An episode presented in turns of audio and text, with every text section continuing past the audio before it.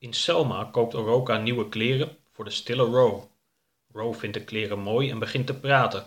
Ze vertelt dat ze dwarsfluit speelt en laat Oroka in affiches zien van het Alabama Symphony Orkest dat die avond in Selma optreedt. Wubble, die het allemaal maar niets vindt, begrijpt dat hij nog niet van Row af is. Hoofdstuk 18 Het concert We hebben best nog wat tijd. Het concert is pas vanavond. Wat zullen we gaan doen? Row, die nog een appeltje pakte, haalde haar schouders op. Wubbel dacht aan de rivier die ze bij het binnenrijden van Selma waren overgestoken. Nou, als mijn mening ook nog telt, ik zou het wel fijn vinden om weer eens een paar uurtjes op het water te dobberen.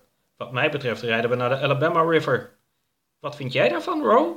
Wubbel zegt dat hij naar de Alabama River wil om een paar uurtjes te zwemmen. Mijn best, hij gaat zijn gang maar. Heb jij daar ook zin in? Ik heb geen badpak.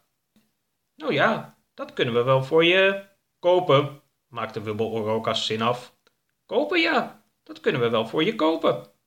Een uurtje later had Ro een badpak en Oroka een zwembroek. Verder hadden de drie nog wat extra eten en drinken ingeslagen. Even buiten Selma werd een kleine open plek aan de oever van de rivier, waar verder veel bomen langs stonden, uitgekozen als zwemplek. Wubbel ging als eerste te water, dook direct naar de bodem en kwam met een snavel vol wierachtige planten weer boven. Ro en Oroka klommen over een rij stenen naar de oever. Heb jij wel eens eerder in deze rivier gezwommen, Ro?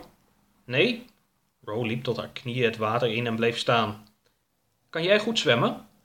Niet zo heel goed, nee. Jij wel? Ik heb nog nooit gezwommen, maar ik ben niet bang. Terwijl Wubbel regelmatig naar de bodem dook en verder de rivier opging, bleven Ro en Oroka dichter bij de oever.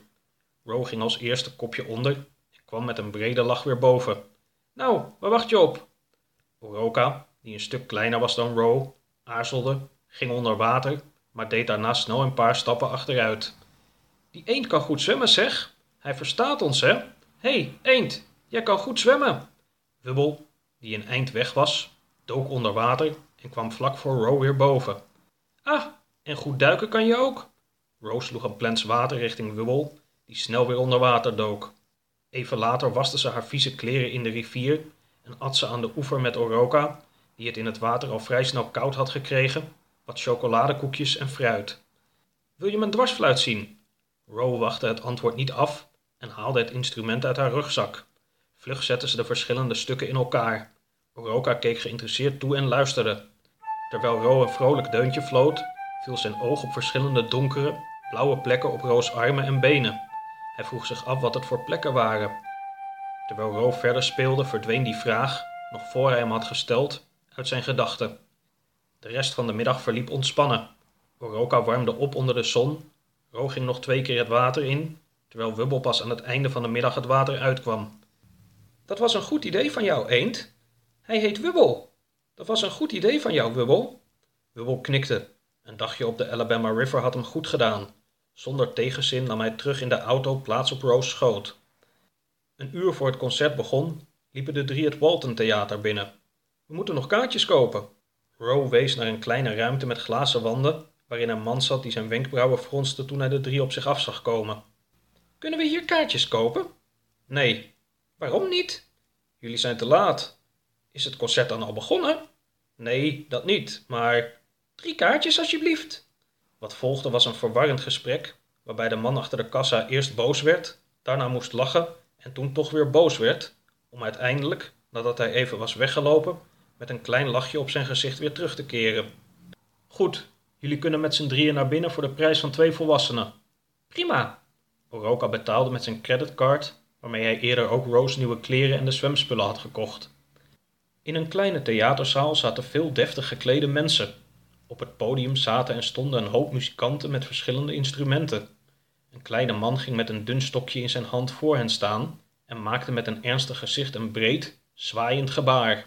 Een rij violisten opende het concert. Na drie kwartier was het pauze en stroomden de mensen de zaal uit. In de foyer zei Wubbel dat delen van de muziek hem hadden doen denken aan zijn jeugd, aan de geluiden van wind en water en het riet rond de vijver waar hij was opgegroeid. Een oudere man kwam met zijn vrouw bij het opmerkelijke gezelschap staan.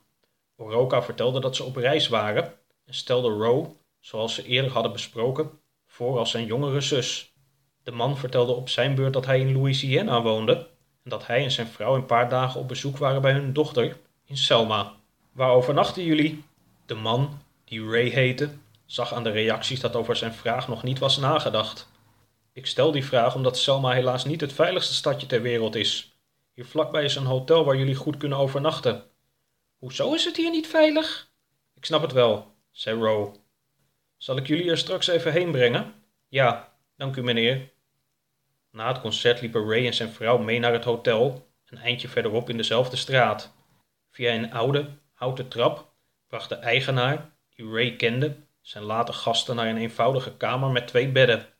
Oroka liep mee terug naar beneden om te betalen en nam afscheid van Ray en zijn vrouw.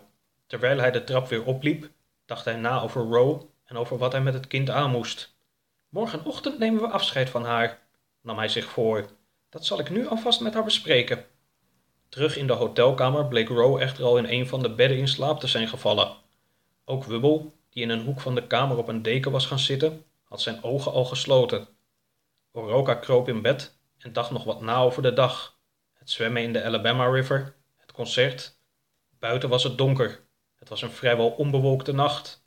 Ver weg klonken twee doffe knallen.